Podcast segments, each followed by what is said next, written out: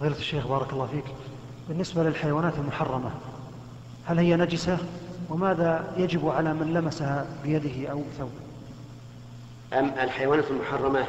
قسمان قسم ليس لها دم. كالعقرب والخنفساء والجعلان وما أشبهها هذه ليست نجسة لا في الحياة ولا في الممات. ودليل ذلك أن الرسول عليه الصلاة والسلام أمر من وقع الذباب في شرابه أن يغمسه ثم يشرب. نعم أمر أن يغمسه ثم ينزعه يعني ويشرب الماء بعده. ولو ومن المعلوم أنه إذا غمس في ماء حار فسوف يموت. فأخذ العلماء من هذا أن كل حيوان ليس له دم يسيل فهو طاهر في الحياة وبعد الممات.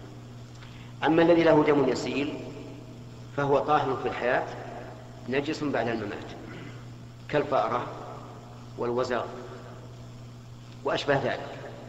هذا نجس آه، في الحياة وبعد الممات.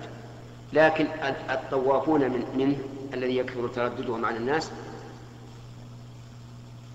سهل الله فيه على العباد فجعله طاهرا في الحياة.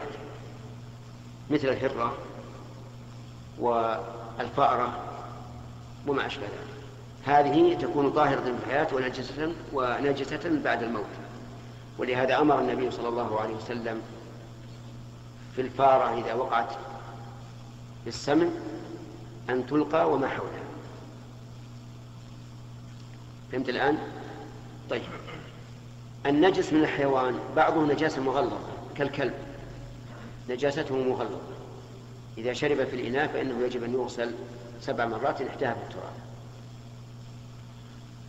فالخلاصة الآن كل حيوان محرم الأكل فإنه نجس في الحياة وبعد الممات وبعد الممات. إلا ما, لا ما ليس له دم يسيل فهذا طاهر في الحياة وبعد الممات. وما كان له دم يسيل فهو كما قلت لك نجس في الحياة وبعد الممات إلا الطواف الذي يكثر تردده على الناس فهو طاهر في حياته نجس في موته. عرفت التفصيل الآن؟ طيب. ما كان نجسا فلا تلمسه وأنت وأنت رطب.